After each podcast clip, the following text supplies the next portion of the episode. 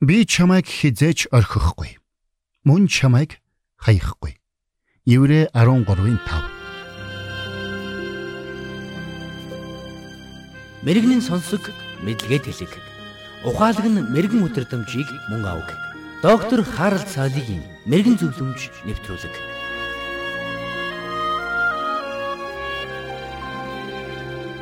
Сэтгэлээр унж урам хугарч гүйдсэн нэгэн ир Английн нэрт эмч доктор Джеймс Хамилтоны ажлын өрөөнд сууж байжээ.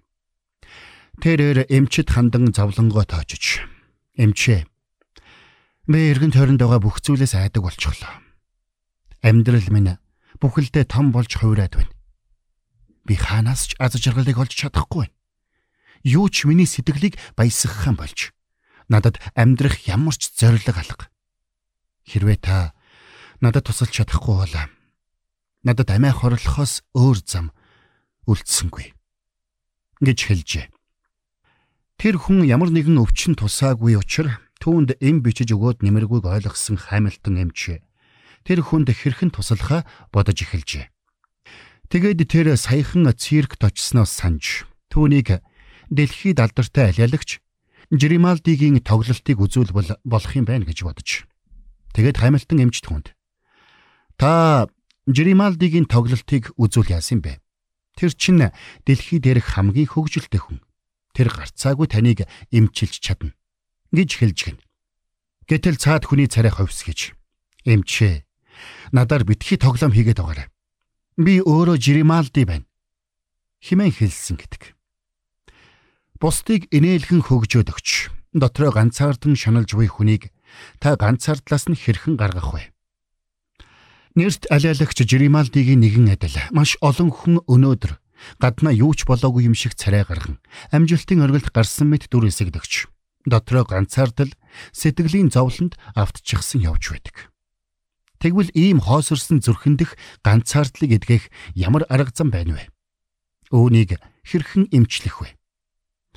Сэтгэл гутралыг эмчлэх чиглэлээр мэрэгшсэн нэрт сэтгэл судлаач доктор Леонард Камер хэлэхдээ ганцаардлыг тисч чаддаггүй цорын ганц төрөл зүйл бол хүн юм.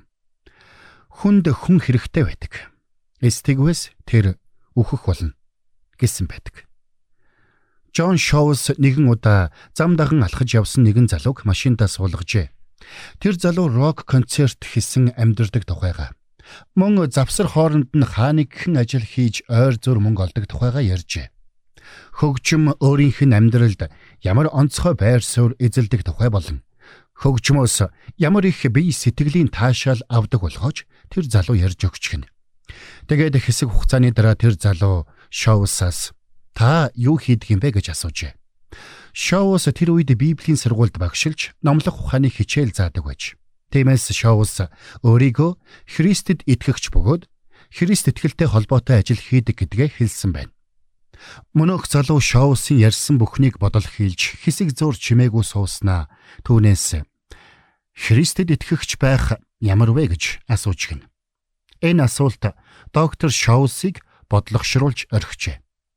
Христэд итгэгч байх ямар байдгийг тэр залууд ойлгомжтойгоор хэрхэн тайлбарлах вэ гэж доктор Шоус хэсэг бодол хийснээ эцэстэн. Христэд итгэгч байна гэдэг хизээж ганцаардахгүй гэсэн үг юм уу да? Химэн хариулсан гэдэг. Есүс Христтэй харилцах харилцаагаар дамжуулаад Христэд итгэгчд хизээч ганцаардахгүй гэдгийг доктор Шоус сайн мэдэж байсан юм. Учир нь Есүс бидэнд би чамайг хизээч орхихгүй. Мөн чамайг хаяхгүй. Еврэ 13-ын 5 гэж айлцсан юм. Босод шашин шүтлгүүд бүгд аливаа хүн морхныхаа таалалд нийцхийн тулд ямар нэгэн зүйлийг хийх ёстой гэж заадаг. Гэтэл эсэргээрээ Христ итгэл биднийг Бурхантай амьд харилцаатай байхыг сургадаг. Тиймээс ч Христэд итгэгч хүн хизээч ганцаардах учиргүй юм. Үүнд л гол ялгаа оршдог. Тэгвэл та ийм амьд харилцааг хэрхэн бий болгох вэ? Танд сүм чуулган тусалж болох ч үүнийг цуглаанд явах гэж ойлговол маш том эндүрэл болно.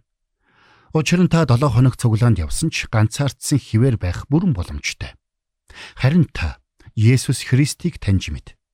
Ингэхдээ ямар нэгэн албан ёсны мэдлэгийн төвшөнд биш. Харин ховчлсон харилцааны төвшөнд түүнийг таньж мэдэрэй. Ингэвэл та хизээж ганцаардахгүй. Тэгвэл Есүсийг бид хэрхэн дотнчлон таньж мэдэх вэ? Таныг эхлээд Иохан номыг уншиж үзээсэй гэж би хувьяасаа зөвлөх байна. Тэгээд танд өөрийгөө ховчлон илчилж өгөхийг түүнээс гуйн залбираарай. Тэр цагт та хизээч ганцаардахгүй гэдэгт би бүрэн итгэлтэй байна.